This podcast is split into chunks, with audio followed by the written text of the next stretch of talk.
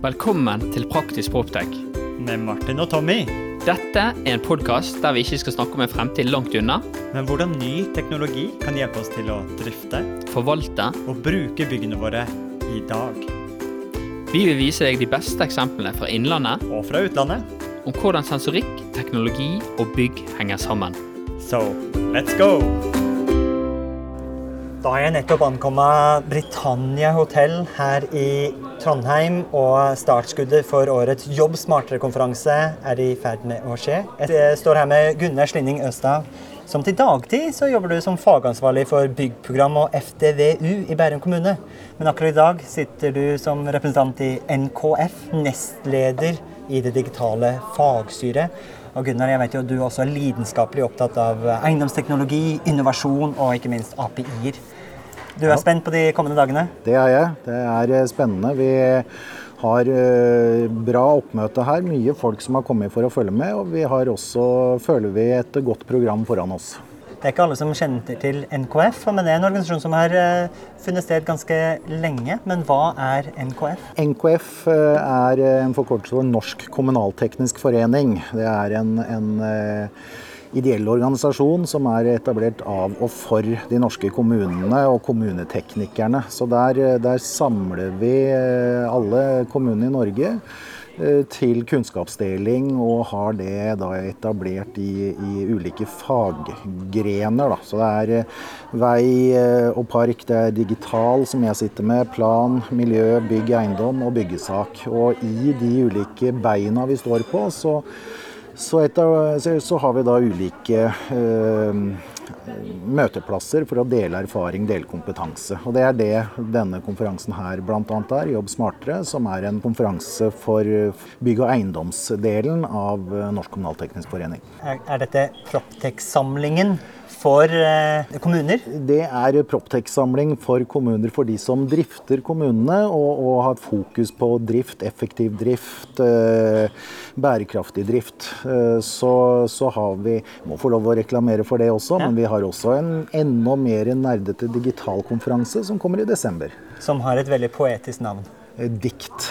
Konferansen. Yes. Og den er i Oslo nå i desember. Den er i Oslo i desember, og det er da digitalisering av kommunaltekniske tjenester. Så der er vi mye breiere i forhold til fag. Den eh, konferansen her er jo da bygg- og eiendomsrelatert, men der er vi både på vei og vann og, og park og idrett og sånt. Også en viktig arena for eh. Proptech. Ja. På årets Jobb smartere-konferanse har du sittet som en del av programkomiteen. Ja. Nå skal jeg prøve å sette sammen fagprogrammet her. Mhm. Hva har dere prøvd å løfte fram? Hva har vært fokus i år? Fokus i år er, er mye på bærekraft og, og hvordan vi må tenke framover. Eh, både i forhold til utfordringer med, med eh, dette med økt eldrebefolkning, eh, mindre hender til å utføre de arbeidsoppgavene vi gjør i dag. Eh, så det å kunne drive rasjonelt, både i forhold til miljø, økonomi og ikke minst eh, menneskelige innsatsfaktorer.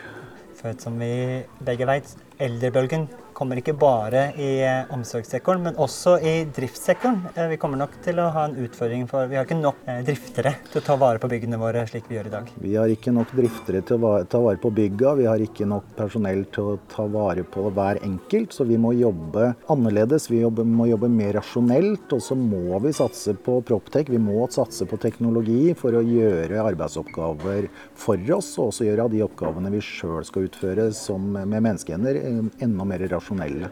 Kanskje ikke så mye utøvende, men kanskje kontrollerende og korrigerende. Jeg har sett utover konferansegulvet her allerede, og jeg ser en, eh, flere roboter. Ja. Jeg har sett masse sensorikk eh, og mange flere kule teknologier til å hjelpe til å gjøre effektiv drift Ja. av kommuner. Men vi er jo her da på Britannia hotell, et ærverdig hotell. Nyopp, relativt nyoppusset. En flott arena for eh, konferansen. Men det er vel kanskje også en tanke på hvorfor jeg er på hjertebarnet til Odd Reitan. Odd Reitan som har eh, tatt vare på dette hotellet og satt det tilbake til fordums prakt, det er, eh, er jo eksempel på hvordan vi også i framtida må jobbe mer med å ta vare på vår egen bygningsmasse. Eh, Med de krava som også kommer fra EU og, og, i forhold til bærekraft og sånt noe. Det skal være fleksible og elastiske bygg, som det står. At vi skal kunne la bygga stå i 100 år, 200 år. De skal kunne gjøres om og modelleres i forhold til utvikling av, av de som bor der. Fra småbarnsfamilier til voksen til eldre. Og det samme med, med, med våre formålsbygg, altså de skole- og Eh, helsebygg osv. At de skal kunne romme flere funksjoner og flere personer eh, og tilby eh, mer variert tilbud. Et aspekt som er kanskje nærliggende med hvordan kommuner tenker på forvaltningen av sin eiendomsmasse. Odd Reitan har investert og pustet opp i et langtidsperspektiv. Han sitter på eiersiden, han drifter det. Ja. Han kan tenke helhetlig. Ja. Utfordringen vi ofte har i privat sektor når det kommer til eiendomsteknologi, er at det er såpass fragmentert av hvem som skal gjøre investeringen, hvem som skal drifte hvem som skal bruke bygget, at man egentlig hindrer litt eh, utviklingen og adopsjonen av ny teknologi.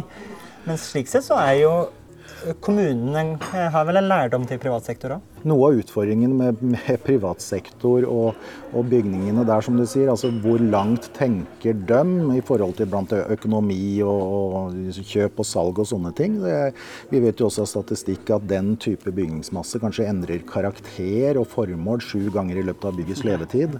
Mens vi med offentlig bygningsmasse, så, så står kanskje bygget til én type formål over vesentlig lengre tid. Så, så, men igjen, det må kunne kunne allikevel gjøre endringer og tilpasninger for ombruk og ikke minst merbruk, så, så, er det det langsiktige her. Og vi skal jo i løpet av, av, av seminardagene her også se på virkelig langsiktig eh, tanke i forhold til bygningsdrift når vi skal opp til eh, Nidarosdomen. er å se på, på, gjenbruk og ombruk og rehabilitering av bygningsmasse. Så det er, eh, det er lang sikt i mye av det vi skal drive med.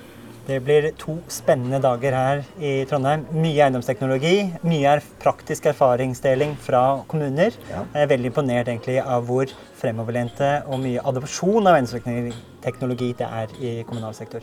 Tusen takk, Gunnar. Lykke til med konferansen. Selv takk. Jeg har kommet ut i vandresalen her på Britannia hotell. I går var jeg på et foredrag med Lena fra Kristiansand kommune. Hun var jo helt frelst. Hun sa når de bare spart energi, de har spart eh, vann, og de har spart masse tid på denne revolusjonerende løsningen fra Trondheim. Så jeg måtte jo komme bort til Apurgo-boden og prate med Morten Storsæter og Arild Kjøtrø. Hei. Hvordan har dere greid å frelst Lena fra Kristiansund kommune med eiendomsteknologi? Nei, Det vi har tilbudt Kristiansund kommune, det er jo en, en innovativ løsning for å håndtere legionella-problematikken. Legionella. Det er en sexy problemstilling. Ja, ikke veldig. Men dere har gjort det spennende? Vi har, vi har nå bigeskjefter på systemet vårt som gjør at du sparer energi og sparer tid. Ja. Og det er jo der det ligger eh, de store fortjenestene. Samtidig som du har håndtert legionella. La oss ta ett steg tilbake til en softwaremann som meg. Eh, mm. Jeg har jo hørt om legionella. Det er en sykdom man ikke vil få. Men hvorfor, og så vet jeg at det er relatert til vann. Mer enn det, hva er legionella? Det er en bakterie som er naturlig i alt jordsmonn og, og, og ferskvann. Hovedsakelig. Og um, den er med, er med vannet inn fra det offentlige vannettet. Og så kommer det inn i bygg, og der starter problemet. For der formerer den seg eh, hvis det er biofilm på innsida av det interne rørnettet. Og så eh, vil den da slippe ut. Og det er når du da får den i store konsentrasjoner at den er skummel. Og den har eh, litt det samme sykdomsforløpet som korona. Det har vi jo veldig mange kjennskap til. Ja. Så man puster den inn? Ja. Man, det som er farlig, er at man puster inn arresola, ja. altså vann, vann, vannstøv, og man får det på lungene og man, eh, det er en lungesykdom. Men hvordan er det historisk? Hvordan har man på en måte håndtert den risikoen med legionella i bygg? Altså, det en eh, normalt uh, gjør, eller fra tidligere av, det er jo hetvannsspyling og kloring av dusjer, som er det mest brukte tiltaket. Uh, så kom jo Apurgo med den M3-løsningen her i, i, i, 2013 ble installert på Byåsen videregående skole som det første bygget. Uh, og etter det har det begynt å gå litt fort. Uh, så i år ja, nå har vi over 300 anlegg rundt omkring i Norges land. Wow. Og dette er et norsk produkt utviklet her i Trondheim? Det er Apurgo er et spinnoselskap fra NTNU-miljøet. Okay, wow. ja, Hva betyr Apurgo? Det betyr eh, aquapurgo, er latinsk for eh, rent vann. Så det sørger for at vi får eh, rent vann i eh, krana og i dusjene i formålsbygg?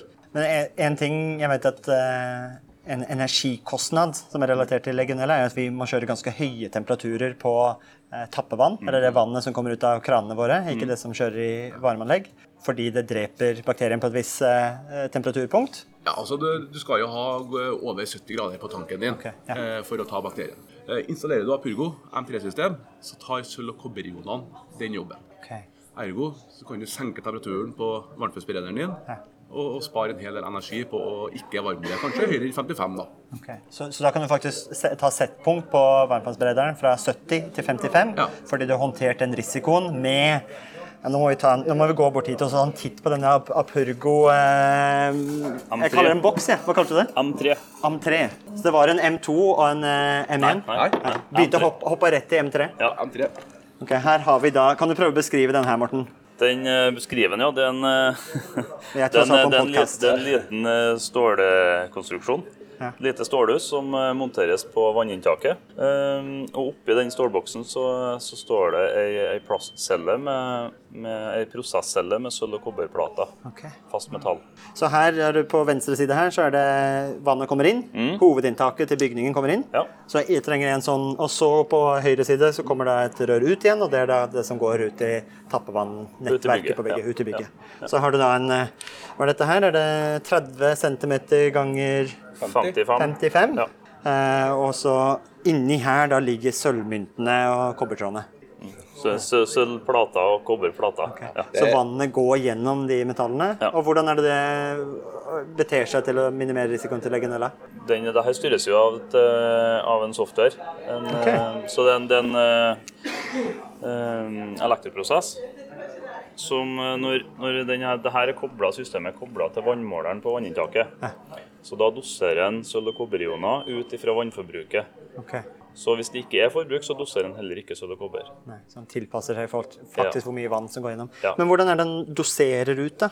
Man, eh, man eh, setter strøm på eh, spenning på, på, på metallplatene, Ja. og da vil ioner slippe frigjøres til vannet. Og hva, hva gjør de ionene da til legionella-bakterien som kanskje befinner seg i vannet?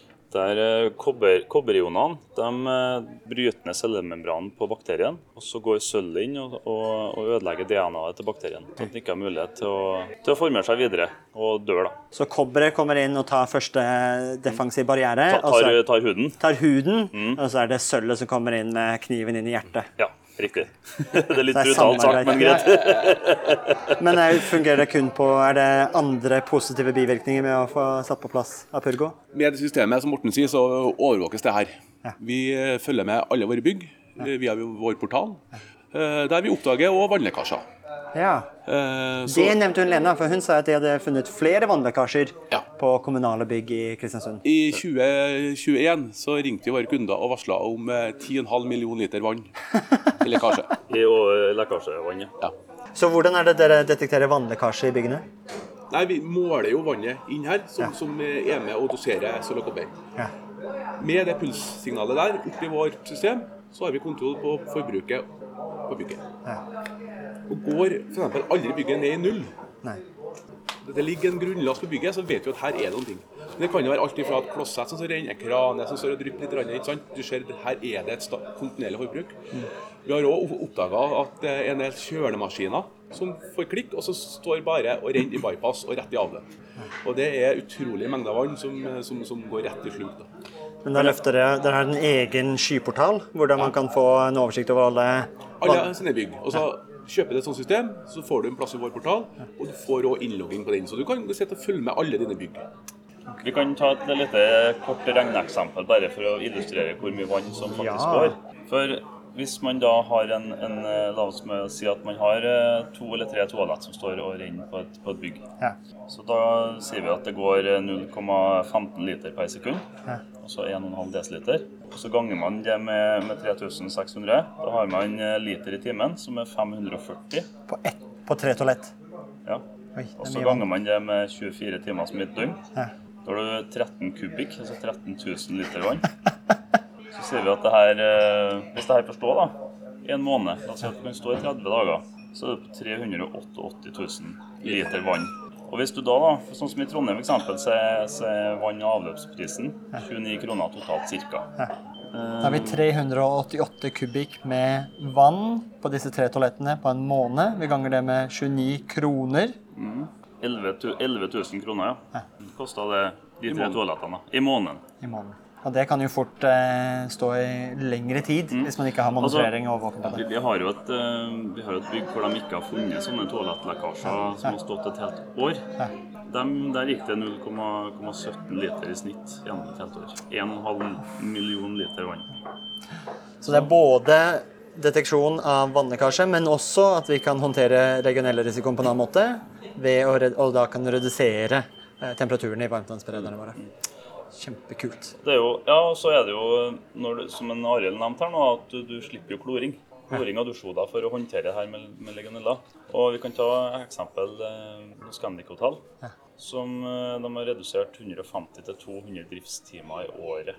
For da hadde de årlig gått rundt i alle hotellrom Riktig. og klora dusjhodene. Ja, Fire. Fire ganger i året. ja, så kan de heller bruke én time på service i året på den her. Og det, da skrur man opp lokket på den uh, Apurgo-boksen, M3-en, Ja. og heller inn sølvskrinet. Nei, man, man, man får, da får man tilsendt ei, ei ferdig prosesscelle av oss. Okay. Så sender jeg den gamle tilbake, og så gjør vi servicen lokalt i Trondheim. Kan jeg, og så kan du gjenbruke det sølvet. Ja. For det er rent sølv og rent kobber som ligger oppi her. Utrolig kult, utrolig spennende eiendomsteknologi. Noe håndfast, men også digitalt.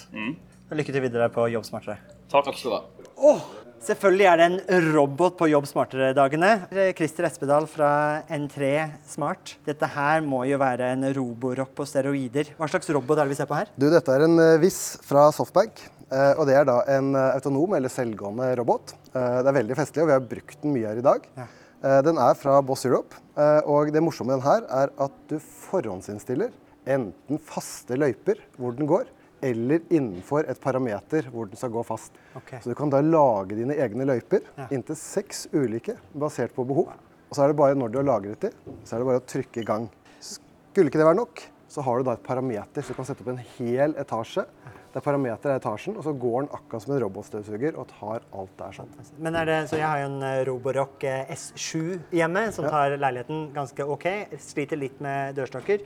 Men den her er jo, den er jo en halvmeter høy. Ja, Eh, og en god del bredere og, og videre enn den. Så den her har mye større kapasitet enn min hjemmerobot. Den her har mye større kapasitet, og her kan du komme opp i små gymsaler. Eh, og den her kan du holde det gående i et par-tre timer. Og du får et Selvfølgelig, de robotstøvsugerne du har hjemme, er gode. Dette er en helt annen kvalitet. Den er såpass god, robust og eh, selvstendig at den faktisk sparer tid og penger. Den her sparer mye tid og penger, og fordelen da, den er superenkel å starte. Superenkel å sette opp. Eh, Det er veldig lett å lade. Så den jobben en person skal gjøre, går veldig fort. eh, Og det er veldig fleksibelt og enkelt. Men jeg, ser, jeg kan også løfte opp et håndtak her nå, så kan jeg dra den rundt selv. Ja, og det er fordi du skal, Hvis du skal lage eh, en løype, så drar du den opp, og så går du løypa. Så husker roboten nøyaktig hvor du har gått. Så jeg kan bli robottrener. Du kan bli robottrener. Ja. Og det som er moro, da, kommer det hindringer i veien, så sier han fra, da piper den og forteller at nå må noen flytte seg. Hvis ikke de flytter seg, så forsøker han å finne veien rundt selv. Så det er en relativt smart robot. Men Softbank det kjenner vi jo igjen fra de som investerte i WeWork og Autostore og Oda. Er ikke det et investeringsfirma fra jo, det, Japan? Det, ja, eller det, det er også et uh, selskap som driver da med denne type roboter. Så de har nok investert i mye, og det er store. Men det er samme, samme selskap som også driver med store Det, teknologiinvesteringer. det er også samme selskap, så vidt jeg vet. ja. Så det er, det er veldig moro. Og, og de har jo kommet et godt stykke på vei, selv om dette er en maskin som har vært i markedet ganske lenge. Den er populær. De er flinke på roboter i Japan. De er flinke på roboter i Japan. Eh, men det er det som er moro for oss. da. Eh, vi jobber jo i N3. Og eh, den her har en mye selvstyring og den gir mye informasjon. Vi putter jo våre sensorer på både denne og alle andre typer maskiner. For det finnes jo dusinvis, hundrevis av roboter nå. For her oppe på toppen av roboten så ser jeg en sånn eh, N3-sensor også. Hva er det den måler? Hva gjør den? Du, den måler aktiviteten som du får opp i én portal. Og vår gevinst det er at vi er leverandøruavhengig og merkeuavhengig. Så istedenfor at du skal inn på ti ulike eh, portalløsninger, så kan du gå inn hos oss og få all oversikt over alle maskinene du har til enhver tid. For N3 lager en eh, eh, softwareløsning for eh, renholdsarbeidere til å sørge for å optimalisere og, og kartlegge og dokumentere renholdsjobbene. Ja. Det vil si bruken av roboter. Vi måler ikke mennesker, vi måler kun bruken av maskinpark. Okay. Eh, For greia er at eh, Roboter er kommet for å bli. Eh, Og det vi ser er at alle gulvvaskemaskiner som selges i Norge og Sverige, det er ca. 250 000 i året. Bruksfrekvensen på de ligger på ca. 17-20% av forventet tid. Eh, og da hjelper vi til med å dokumentere hva er faktisk brukt tid opp mot planlagt tid. Eh, og da hjelper vi kundene til å utnytte eksisterende maskinpark bedre.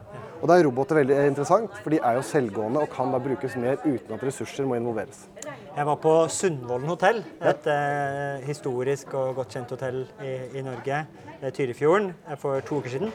Og han eh, Tord, som er eh, hotellsjef og direktør der, han er jo utrolig fremoverlent. Veldig opptatt av eiendomsteknologi og effektivisering av driften.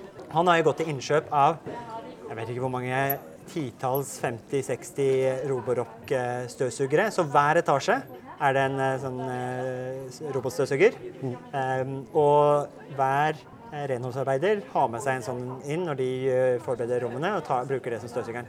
Men utfordringen hans er at kapasiteten på disse er ganske liten, og dette er jo ment for hjemmebruk. Så det er mye frustrasjon, vet jeg, at det å bruke et konsumerprodukt inn i drifting av hotell. Dette, ville ikke dette vært en god løsning for Tord? Dette ville vært en mye bedre løsning. Og du kan bruke robotstøvsugere, men da må det være små arealer. For batterikapasiteten her er jo fort det tredoble, firedoble. Eh, det- Men den kjører tilbake og lader seg selv? når den den, den her har en eh, startplass. Der har en QR-kode på veggen. Ja. Du starter den derfra ved å trykke på en knapp og velger hvor den skal gå. Så går den av seg selv og kommer som du sier, tilbake når den er ferdig. Enkelt og greit. Og kan lade der også. Da kan du også lade der. og Sette opp ladestasjon. Du- Her er det veldig enkelt. Du bare tar ut batteriet, så fester du din egen container ved siden av. Det er superlett. Så du kan også ha to batterier. Så hvis du bare bytter batteri, så får du dobbelt kapasitet. Så den her kan gå egentlig nesten en hel arbeidsdag.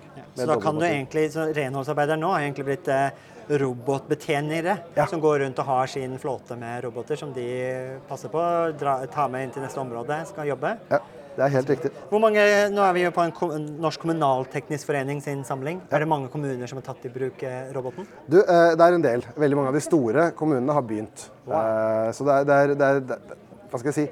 Jeg vil ikke si mange, men de store går foran. Eh, Og vi merket jo nå når vi hadde den her med oss for å vise litt fram, og også reklamere for Boss, at eh, interessen er stor. Eh, Og er, folk har gått rundt og filmet når de har kjørt rundt her. Så veldig mange har lyst til å komme dit, men det er jo en større investering enn robotstøvsugere. Du kan få maskiner fra ja, kanskje 50 til en million kroner. 50 000 til en million kroner.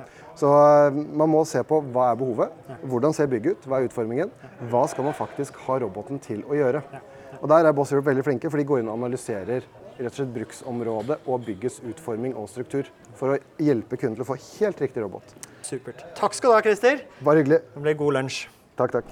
Årets eh, En jobb smartere-konferanse er som sagt på et eh, ærverdig hotell, et viktig hotell som har vært gjennom en eh, imponerende oppussing. Og jeg sitter jo med sjefen selv, eieren, Odd Reitan. Utrolig gøy å være tilbake med Norsk kommunalteknisk forening her på, et, eh, på Britannia. Hyggelig. Dere er veldig velkommen. Det er jo eh, oppussingsprosjektet som dere har vært gjennom nå. Nå er det noen år siden det ble ferdig, men det var jo et eh, lidenskapsprosjekt de luxe. Absolutt. Det var jo en eh, drøm som jeg har hatt siden jeg var 16 år. Så, så var det plutselig ganske mye å pusse opp, da. Men, eh, men, men det gjorde jeg jo med glede, selv om det selvfølgelig ble såpass tung investering at det kan påregne en stund før det pay, payback. Men, men, eh, men, eh, så det er mye hjertekapital inn i det bygget her, da. Men altså, hvis du ser bygget utenfra, så ser du at det er jo eh, like mye kunst som det er et bygg. vet du. Det er jo det er et kunstverk. Så så det er verdt det, da, for å si det sånn. Men det er også et bygg hvor dere har investert i eiendomsteknologi og nye smarte løsninger på en estetisk god måte. Jeg vet en, en ting som var veldig viktig for deg, var å sørge for at når man skrur av lysene på hotellrommene, så skal det være ordentlig avskrudd. Ja, ja, ja, ja. Det, må, det må være, må det enkelt å gjøre det. Og det å si fra til folk om å gjøre ting enkelt, ikke bare bare. Så det var ikke bare Det ble ikke helt sånn enkelt som jeg så for meg til å begynne med. For det ble en del sånn kødd med det du trykker på en knapp, og så går eh, persiennene ned istedenfor lyset på. Så det var en del sånn eh, i startfasen.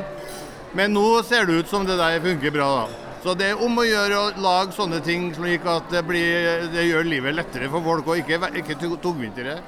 Jeg tror vi er alle enige om at brukeropplevelsen, om du er drifter Ja. eller gjest Ja. eller forvalter av bygg, er utrolig viktig for eiendomsteknologi. Ja, det er så mye mer viktig enn folk tenker over, tror jeg da. Eh, Man, man gjør mer ut av det. For det er jo det som er hele poenget. Du skal gjøre livet bra for folk, og ikke, ikke komplisert. Sånn at, eh, men det hjelper på, og det blir jo bedre. Og så Alle skjønner jo etter hvert at det er de som er pointet. da. Ja, det, Jeg skal, det er lunsj her eh, på Britannia. Eh, tusen takk for at du har satt en fin ramme rundt Norsk Kommunalteknisk Forening sin samling, og at du kan bidra til god eiendomsteknologi også. bare hyggelig. Vi er eh, på tampen av dag én, og det som har overrasket meg, egentlig hvor innovative og fremoverlente norske kommuner er.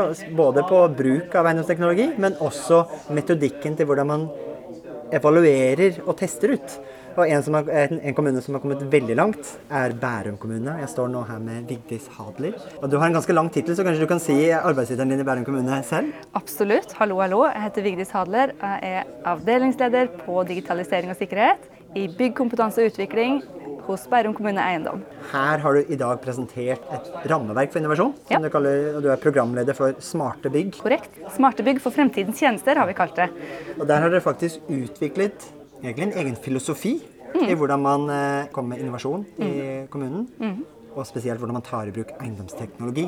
Som tror er like mye overførbart til privatsektor. Fortell litt om den filosofien. Ja, kjempespennende. Vi, eh, både jeg og dem som starta det programmet en gang i tida, vi har eh, IT-bakgrunn. Så det her eh, har mange greiner ned til agil utvikling. Og vi har rett og slett eh, prøvd å få til den her fail fast-filosofien inn i smartere eiendomsdrift på byggene våre. Sånn at vi eh, har sagt at alle, både innbyggere og ansatte i Bærum kommune, kommune eiendom, får lov til å komme med forslag til såkalte hypoteser. Som vi skriver ned på helt enkle hypotesekort. og Da sitter vi i workshops på rom og så skriver vi med penn og papir. Og så skriver vi ned med noen enkle setninger på et kort hva vi ønsker å teste. Eh, om innsatsen er relativt eh, høy eller lav, om det har noen avhengigheter. Og så sier vi noen ting om akseptansekriterier og gevinster vi ønsker skal være til stede. Så det definerer, så på baksiden av dette kortet, så definerer det også hva er suksesskriteriene. Korrekt. Hvordan skal vi akseptere at vi går fra pilot inn til eh, vanlig bruk etterpå. Riktig. Men det er også en veldig tydelig økonomisk og tidsramme for Ja. å sette i gang et innovasjonsprosjekt. Stemmer. Vi er jo en kommune, så vi har strenge innkjøpsregler. Sånn skal det være. Det er bra, og dem er vi glad i, for det gjør at innkjøpene blir korrekt. Men det vil si at hvis vi går over 100 000 i innkjøp, så må vi ut på offentlig anskaffelse. Da blir prosessen for tidkrevende for oss, og vi har sagt at eh, et kriterium for smertebygg var at det må være under 100 000 kroner i innkjøp. eh, For at vi da enkelt skal kunne teste enten eh, teknologien eller sensorikken eller hva det skal være, på en liten del av eiendomsmassen vår, og komme med en tydelig anbefaling. Og det skal helst skje innen 6-12 måneder. Korrekt. Det er drømmen. Så det er jo, Du nevnte agil utvikling. Jeg har også en softwarebakgrunn og kommet inn, eh, fått en kjærlighet ja, for bygg. Yes. Eh, Men det, det kjenner jeg veldig godt igjen på hvordan vi skriver eh, brukerhistorier Mm. eller, i, softwareutvikling. Da definerer vi ok, hva vil vi prøve å oppnå. Eh, Hvilke problem prøver vi å løse for brukeren. Yes. Men også hvordan, når vi er ferdig utviklet, hva er de aksept, akseptansekriteriene. Det er veldig kult at dere har tatt den metodologien inn i hvordan man evaluerer eiendomsteknologi. Ja, og vi er veldig glad i det. Og vi er faktisk veldig glad i piloter som feiler også. Eh, For da vet vi at her er det noen som har hatt klokketro på en løsning. Så mye tro at man har foreslått det for oss og brukt et par timer i workshop på å, å sette ut i livet. Og alternativet hadde vært å gått rett til driften og rett og tatt det på storskala med en gang. Så vi vet at når en pilot feiler, så har vi spart masse penger, og det er innbyggerpenger, skattepenger, som vi ønsker å bruke på de svakeste i samfunnet som trenger det mest. Vi har masse eldre, vi har masse barn, vi har masse Vi, vi skal liksom ta vare på dem. Så det er fryktelig Det er noe jeg brenner virkelig for, det er å bruke pengene riktig i kommunen. Og det mener jeg det her er et viktig, viktig steg i, i riktig retning på å gjøre. Så hvor mange av disse pilot, smarte bygg-pilotprosjektene har dere gjennomført? Jeg har ikke talt i det siste, men det, det er nærmere 20 enn 10. Siden- Ok. Ja, ja, så det er ganske Dere har kjørt denne prosessen flere ganger nå. og kunne Yes. gitt et uh, konkrete eksempler. Hva har dere kunne evaluert, og hva har dere lykkes med, og kanskje hva har dere feila med? Eh, ja, la meg ta en vi lyktes med først. Det var en renhåndspilot hvor vi mm, satt, fikk satt opp sensorikk på døra og møterom på en barneskole, slik at renholdet fikk et digitalt kart over eh, området sitt eh, for å rengjøre. Eh, og også da eh, sanntidsdata om når rommet hadde vært i bruk sist. Eh, det førte til at renholder kunne prioritere arbeidsdagen sin på en enklere måte. Kunne dokumentere gjennomført renhold. Eh, og det ble mye enklere for oss å sette inn vikar i tilfelle sykdom. Eh, og vi så også i det programmet her, så kunne renholder direkte få sånne små opplæringsvideoer. Så hvis man er usikker på en type gulvunderlag for eksempel, og type kjemikaliebruk og sånt, så hadde man e-læring direkte inn i plattformen. Her så har vi en tidsbesparelse på eh, 45 minutter på dem per uke i gjennomsnitt på de 3000 kvadratmeterne vi testa det på. Og i Bærum kommune så har vi totalt 285 000 kvadratmeter med skolebygg. sånn at her er den potensielle tidssparelsen stor. Eh, og den tida vet vi at vi kan bruke på periodisk renhold og på kompetanseheving. Og ikke minst så vet vi at renholdere det er våre øyne ute på bygget. De kan bruke ekstra tid til å eh, melde inn avvik til driftsavdelinga, andre typer ting som vil komme byggene våre til gode. Eh, så vi vet at den tida vil bli vel anvendt og vil i ytterste konsekvens føre til lengre livstid bruk av byggene våre. Så denne piloten, som da kostet under 100 000 å gjennomføre med sensorikk og den eh, digitale plattformen, Ja. eh, og den tilfredsstiller da disse akseptkriteriene dere satt, og nå kunne gå videre ut Ja. til større utrulling. Da går vi med en klar anbefaling til eierne av området. Eh, og så sier vi her mener vi, Jeg setter opp et business case, rett og slett, og så sier vi her mener vi at besparelsen er såpass eh, stor og god at her må man vurdere en, en større anskaffelse. Men da, men da gir på en måte Smartebygg fra seg den anbefalingen til en, eh, til en eier på renholdsavdelingen, som da må bruke den, uh, det resultatet kan du si, i en argumentering på sitt eget eh, ledernivå. Kan du gi et eksempel på et eh, prosjekt som eh, viser at eh, her var det ikke hensiktsmessig å fortsette? Ja. Eller en eh, fail fast? Ja, eh, vi har en fail fast, og det har vi på, på rengjøringsrobot, som vi ønsker å sette på et eh, bo- og behandlingssenter. Og det gleder de seg veldig til, fordi de eh, renholderne der eh, hadde en eh, utfordrende hverdag. Og den eh, roboten ble levert i riktig etasje, og alt var fine and dandy, helt til den ikke takla å gå over dørterskelen. Ja. Så sånn at den piloten, det var en rengjøringsrobot som gikk to meter fram, og så snudde den og kjørte inn i heisen igjen. Og så, og så måtte vi avslutte piloten rett og slett på det bygget. Tusen, tusen takk eh, for praten. Og så får du kose deg på festmiddagen i dag, hvor vi skal feire innovasjon og teknologi i kommunal sektor. Fantastisk. Mange takk selv. Jeg gleder meg til å høre podkasten din. Vi er, vi er halvveis gjennom dag to her på Jobb smartere. Jeg har kommet bort på et merke som jeg tror alle kjenner til, Tork-boden. Men nå er jo Tork er jo mye mer enn toalettpapir og såpe og håndtørkpapir. Det er også blitt et IOT-selskap, har nå fått sensorikk inn i renholdsfaget. Jeg står her med Nina Monica Johnsen fra Essity. Ja. Men dette er eiendomsteknologisatsingen til Tork. Det er innenfor renhold, rett og slett. Ja, så det, det er jo liksom at vi skal hjelpe folk med å gå med til datastyrt uh, renhold med behovsrettet. Altså man skal gå vekk fra rutinerenhold til behovsrettet renhold. Det er jo det vi vil prøve å få til på alle områdene innenfor drifts- og forvaltning av bygg. At vi går til behovsstyrt. Vi skal Ja. ikke ventilere, vi skal ikke varme, vi skal ikke kjøle. Vi skal ikke fylle på såpe hvis det ikke er behov. Nei, det er helt enig med. Og nå har jo tydeligvis at IOT og sensorer kommet inn i renholdsfagene også. Og her har du mange kule duppedikter, Nina. Ja, da har vi eh, litt forskjellig. Eh, Det som først og fremst vil si at eh, du er nødt til å ha tork-dispensere for at selve sensorikken i dispenserverden skal fungere. Så da har vi eh, sensor som du kan bruke på søppelbøtter, sånn at du skal vite når tid du må Så det er den første sensoren her nå, som da har en sånn Du monterer den på toppen av søppelbøtta. Og da sjekker den hvor fyllingsgraden på, på søppelen på et, på et baderom eller rundt omkring i fellesarealer er. Ja, der du har uh, tørkesøppelbøtte. Og her er det ikke noe kabler. Nei, Så det er batterioperert. Og hvor lenge varer batteriene på en slik en? De skal i prinsippet vare opptil fem år, Wow. eh, men eh, det kommer litt an på Hvor mye, bruken. hvor mye søppel man Ja, har. ja. Selvfølgelig. Så, og så har um... Og så har vi en annen type sensor som vi putter inn i uh, håndtørkedispenserne og toalettdispenserne. sånn at du skal vite når tid du er nødt til å fylle på. Det er det mest frustrerende når man går inn på et uh, offentlig toalett, og så finner man at det ikke er noe mer uh, toalettpapir igjen. Ja, ja, det er jo skrekken for de fleste mennesker. Det problemet er nå løst med en sensor. Så den, den plasserer man på innsiden av Den plasserer vi baki, så det, den, det er ikke noe som du som kunde vil se. Eller, så, altså, så renholderne skal ikke se disse sensorene, for det er jo skjulte ting. Da, så den bare måler eh, nivåene. Og så har vi eh, gulroten. Den trenger du egentlig ikke ha torkdispenser på, for denne her er personteller. Wow. Der har vi forskjellige, Nå har vi kun med med denne ene som er takmontert. da. Eh, så har vi også sidemontert, og vi har eh, frontmontert. Eh, og den, Det som er unikt med våre eh, personteller, det er at de registrerer på varme. Så hvis det kommer eh, ok. flere mennesker samtidig ja. så vil den kunne skille hvor mange personer Så det er ikke bare en eh, sånn dørteller hvor det bare bryter, og så kan det, hvis det er tre mennesker som kommer samtidig, så teller den bare én person, men her Ja. faktisk ser, ser den unik per person. Ja. Og den er også Men det må også batterioperert. Ja da, det er det. Så, um, ja.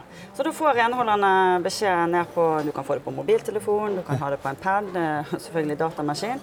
Og det er ganske live data. Det er opptil fire minutters forsinkelse fra noe skjer, til du har det nede på. Så Ja, for hvor sender de sensorene her de data? sender opp til en gateway, da, Ok. eller en ruter. Eh, og så eh, går det jo det opp i en sky, og så kommer det ned på Og da har da renholderne tilgang til sitt eh, eh, Tork-dashbord, eller SET-dashbord, Mm. Ja, mm. hvor de kan se alle toalett-toalettpapirdispenserne, alle Mm. tørkepapirdispenserne, alle søppelbøttene og såpe. og såpe. Hvordan måler dere hvor mye såpe er igjen? da? Eh, er, den sitter da inne i selve innmaten, så det er ikke en sånn som du kan se fysisk. Der er det selve innmaten, og sitter sensoren inni der. da. Og da måler den eh, antall doseringer som er ja. ja. Sånn, Så du skal ikke ha tomme såpedispenser heller. Nå er eh, renholdsfagene blitt ordentlig datadreven, da, så man kan vite akkurat hvor man skal gå, Mm. og når, og hvordan man prioriterer. Ja, og det sånn, altså, så jeg sier det at eh, nå skal de, jeg hjelpe kunder med å frigi masse tid. Ja.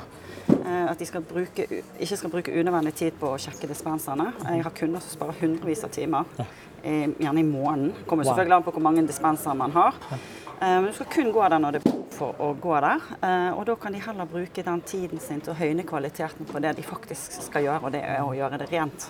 Jeg så du hadde Nordhordland helsehus Mhm. her som en kunde. Så hvis jeg er en renholder og kommer på jobb på morgenen, hva er det første jeg gjør da? Da logger jeg meg inn, Ja. og så eh, velger På jeg en min pad, eller på man sitter ned på en? de har en pad, da, Ja. så de har på tralen sin. Ok. Ja, så logger jeg meg inn på tralen min, og det første jeg får beskjed om da, det er selvfølgelig å velge min, min rute. Ja. Eh, og da først jeg får beskjed om det nøyaktig hva jeg skal trenge å ha med meg på trallen min. Ja. Hvor mange toalettruller jeg trenger med meg, hvor mange håndtørk, og eventuelt såper. Og eh, hånddesinfeksjoner. Så det at jeg trenger kun å ta med meg på trallen det jeg absolutt trenger, istedenfor å gå rundt med disse her eh, trallene som du har med deg skal si, halve verden på. For du skal slippe å gå tilbake til renholdssentralen din. Mm. Så her får du nøyaktig vite, så du er i forkant på hva som venter deg når du kommer på jobb. Du får også vite nøyaktig hvor du skal begynne arbeidsdagen din. Eh, Og da prioriterer du i forhold til det, som, eller det området som har hatt eh, høyest belegg. Altså, systemet forteller deg nøyaktig hvor menneskene har vært siden du var på jobb sist. Og, så jeg pleier å si det sånn, i dag så går du liksom den vanlige rutinen. Sant? Du går fra A til Å hver eneste dag, du gjør det samme jobben hver eneste dag. Mens når du får på sensorikken, så begynner du gjerne nye steder hver eneste dag. Så det, for å gå i den vanlige ruten, så begynner du å gå litt mer sånn i bølger. Det sier, altså du, du Og for lytterne nå så gjør Nine noen ganske fine dansemove her til å vise at nå har vi gått fra en veldig sånn statisk gjentagende rute til en mer eh, dynamisk, ja. bevegelig, litt salsa-bevegelse. Ja, ja, ja, ja. Kanskje det er det vi skal kalle det for. Ja. Neida, så, det, så du går egentlig i, i prinsippet etter menneskene og gjør rent, og det er jo også riktig. Så alt det du, der som ikke det har vært bevegelse, der skal ikke du bruke tiden din, og ergo så tar du mer vare på bygget. Sant? Du unngår unødvendig renhold. det- Og da hvis jeg nå kommer inn på et uh, baderom eller eh, toalett og bytter eh, fyller opp såpe, bytter toalettruller og tørkepapir, må jeg da nullstille sensoren selv, eller skjer det automatisk? Den skjer helt De lever sitt eget liv. Men må jeg, hvis jeg skal si at jeg har vask... Ok, i forhold til mennesketelleren, da, så går jeg inn på et eh, toalett. Må jeg da kvittere at nå har jeg vasket her? Ja, da når du kommer inn, så når du er ferdig å vaske, så trykker du bare på en liten runding. Ja. Så er det gjort. Så da nullstiller telleren seg igjen, og så begynner han å telle på nytt igjen. Så, deg så det uh, styringsverktøyet som vi har på tralla, den iPaden vi har på tralla, er da sømløst integrert med sensorikken og tellingen, så alt blir nullstilt. Du trenger ikke å tenke på hvordan egentlig alt dette Nei. fungerer. Han forteller deg nøyaktig hvor du skal jobbe. Vi er jo veldig glad i åpne API-er i Praktisk Proptech, og at dataen skal ikke være i lukkede silosystemer, men også kunne sende, brukes i andre øyemed. Og spesielt den mennesketelleren Ja, ja. er jo like mye verdifull for drift, eh, ventilasjon, Ja, andre aspekter i bygg. Hvor lett er det å hente ut denne dataen fra SET-plattformen? Nei, altså det er jo selvfølgelig Du, må jo ha en, du får en sånn tilgangsnøkkel, da, sant? så ja, så er det opp og går. Så dere har åpne API-er? Ja. Åh, nå vet jeg Tommy blir veldig glad. Ja. Dette må, dette, Tommy, dette her må du se på, så kanskje vi kan uh, bruke det på, uh, på Proptech Bergen Ja. eh, som en renholdsløsning om Ja. mennesketeller. Og jeg bor jo i Bergen, så Ja. dette Har du vært, har du vært innom eh, Krokarsjønveien 11C oppe ved Angard? Ja. Der er Proptech Bergen. Det er testarenaen for eiendomsteknologi. Ja, Jeg vet at det er vært veldig lite på renhold, så kanskje dette er nå en utfordring til Tommy til å ta kontakt med Nina. Ja. Invitere opp, og så ser vi vi får kjørt en test her òg. Det var i hvert fall hyggelig. Utrolig kult. Nei. Tusen takk for praten. Lykke til. Dette her er eh, det kuleste jeg har sett innenfor renholdsfagene. Det er gøy at eiendomsteknologi sprer seg inn til flere områder av eh, de som drifter og tar vare på byggene våre. Ja, det var artig. Tusen takk, Nina. Ja, hyggelig. Snøsmelteanlegg er noe kanskje mange har et forhold til, eller kanskje ikke. Men to som er lidenskapelig opptatt av å sørge for at snøsmelteanleggene i Norge fungerer som de skal, er eh, Hanne Torp Nilsen og Kjetil Hansen fra Guard Automation, som nå eh, virkelig sørger for at eh, snøsmelteanleggene rundt omkring i Norge skal fungere som de skal. Stemmer det, Kjetil? Det er helt korrekt. Hva er løsningen dere nå har lansert, og hvordan skal dette hjelpe oss til å sørge for at vi ikke sløser energi på snøsmelting? Ja, utgangspunktet er det jo en intelligent tilnærming til, til snøsmelting, for å si det sånn. Vi benytter en integrasjon mot Meteorologisk institutt. Hvor vi da henter inn nåværende øh, hva heter det for noe? Eh, Nåværende fremtidige ja, høyoppløselige. Ja. Og så I tillegg til det så er det da selvfølgelig en nøyaktig lokasjon og en digital tvilling. Basert på det så vil uh, skytjenesten komme med en anbefaling til et pådrag som skal bidra til å gjøre anlegget uh, energieffektivt. Og smelte snøen når det er behov for det, og ikke at det skal stå på hele tiden. Løsningen heter Guard Street Smart. Yes. Det er et kult eh, produktnavn. Men eh, tradisjonelt i praktisk praksis så er vi ganske gira når, eh, med sensorikk og IOT. Men nå har dere faktisk gått andre veien, for den er sensorløs. Yes. Den er sensorløs, så vi, vi benytter prediksjon. Og vi har laget en algoritme som vi har fått hjelp av en astrofysiker til å utvikle. Så, så sammen med høyoppløselige værdata og de termodynamiske egenskapene til det anlegget som vi skal regulere, så, så klarer vi å se frem i tid, opptil 48 timer, hvordan systemet best skal reguleres på en energieffektiv måte. Vi holder hele tiden en oversikt over hvor mye energi som er lagret i bakken. Siden det har vært mye sol, så klarer vi å estimere det, hvilken temperatur det har. Eh, Og da i forhold til hvor mye pådrag, som vi sier, da, 0 til 100, skal ut i bakken basert på fremtidig vær. Skal det bli kaldt, skal det ikke bli kaldt. Skal det komme mye sol dagen etterpå, så trenger vi ikke tilføre så mye energi. Jeg kunne veldig lite om snøsmelteanlegg fire år siden når jeg kom inn i eh, denne bransjen. Men jeg har lært meg nå til å, de typiske kjennetegnene når man går nedover gaten til å gjenkjenne snøsmelteanlegg. Men Hanne, back to basics nå. Hva er snøsmelteanlegg, og hvordan fungerer det? Og hva er de tradisjonelle komponentene? Det er jo ofte sensorbasert, eh, som vi også hadde i vår portefølje tidligere. Eh, Som er nedgravd i bakken, og de blir jo ofte ødelagt, og det er vanskelig å erstatte de. Tradisjonelle måten å drive med snøsmelteanlegg er kanskje man har en manuell bry- bryter. Ja, Det er stort sett av og på, og så er det full guffe. eh, Og det, det bruker veldig mye energi. For da er det enten elektriske varmekabler under fortau eller parkeringsplasser eller i trapper, mm. eller at det er eh, Fjernvarme. va- fjernvarme. Væske som går, varm væske som går igjennom. Jeg husker det var en reportasje fra NRK eller TV 2 for noen par år siden, hvor de prøvde å belyse det aspektet rundt eh, feilstyring av eh, snøsmelteanlegg. Da hadde de eh, tatt med Erna Solberg opp i et helikopter med varmekamera og kjørte, fløy over Oslo. Og så så de hvor mange fortau og, og områder som var oppvarmet. Og så kommer Erna med en litt sånn pekefinger. Ja, her sløser vi veldig mye energi. Dette er ikke bra. Vi må ha bedre kontroll på disse snøsmelteanleggene. Midt på sommeren trenger ikke å ha disse her på. Og så To sekunder senere så flyr de over Stortinget, og så er det glorødt på det kameraet. ja. Så det var, må passe på egen systemet først òg. Ja, det er, eh, vi har jo et tilsvarende produkt som ikke er snøsmelting, men i forhold til undervarme og regulering av fotballbaner. Og vi har jo kunder der som har fått eh, strømregning på undervarmen eh, i eh, både august og juli. Sånn at det er eh, Noen er flinke til å regulere og følge med, og andre bruker ikke så mye tid på det. Og tenker at det er noen andre som fikser det, og da, da går det litt gærent. Så, så denne her eh, den vil ikke være med i juli, for å si det sånn.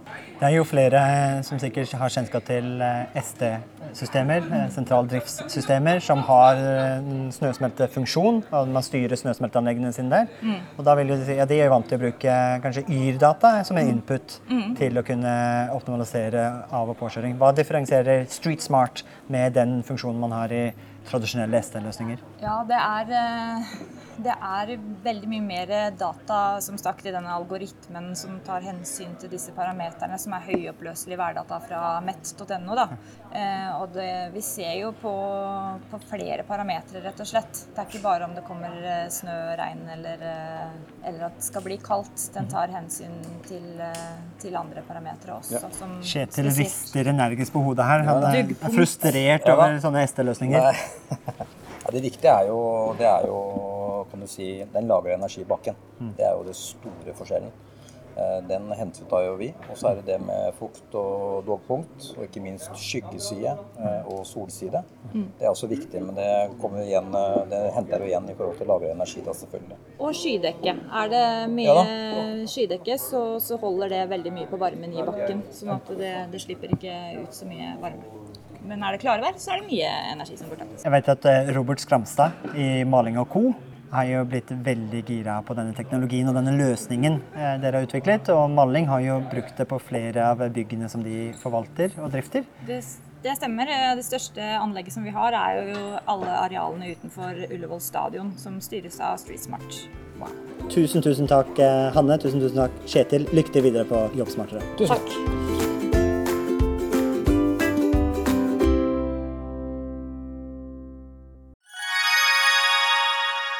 Da dere er 2024 i gang, og et av høydepunktene på starten av året er jo sett sammen et årshjul, og det har vi også gjort, Tommy.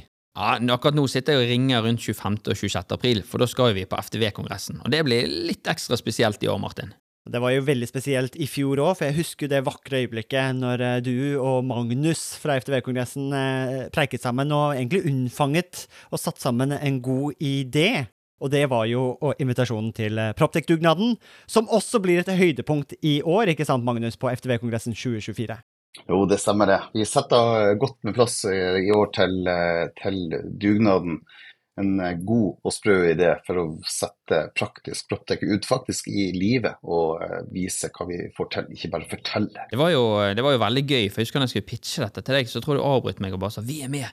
Og når vi var på dugnaden, så sa du òg at Tommy, dette her må vi ta med oss tilbake på FTV-kongressen. Vi må jo praktisk få dette vekk fra Powerpoint og vise praktisk hvordan vi har gjort det. Og det syns jeg blir litt spesielt i år, at det blir jo for meg en liten reunion av det som skjedde der ute. Men, men eh, FTV-kongressen er vel mye mer enn en, bare en reunion òg? Jo da, det er en møteplass for eh, FTV Norge, og vi ønsker å skape det til en, en god møteplass for FTV Norge, som, som tross alt tar vare på Norges største fastlandsnæring. Og da skal vi da skal vi ha en god arena å møtes for å se på felles uh, utfordringer og problemer, men ikke minst hvordan vi kan løse ting fremover. Og så blir uh, dugnaden en sånn uh, bekreftelse på hvordan vi faktisk uh, kan gjøre det, istedenfor å stå og bare høre om hvordan vi kunne ha gjort det. Det er veldig kult. Og januar er jo en gavemild måned, så hvis du brenner for bedre drifting av bygg, så kan du få med en liten rabattkode her også, så møtes vi kanskje 25.-26. april på Tung kongress Gardermoen.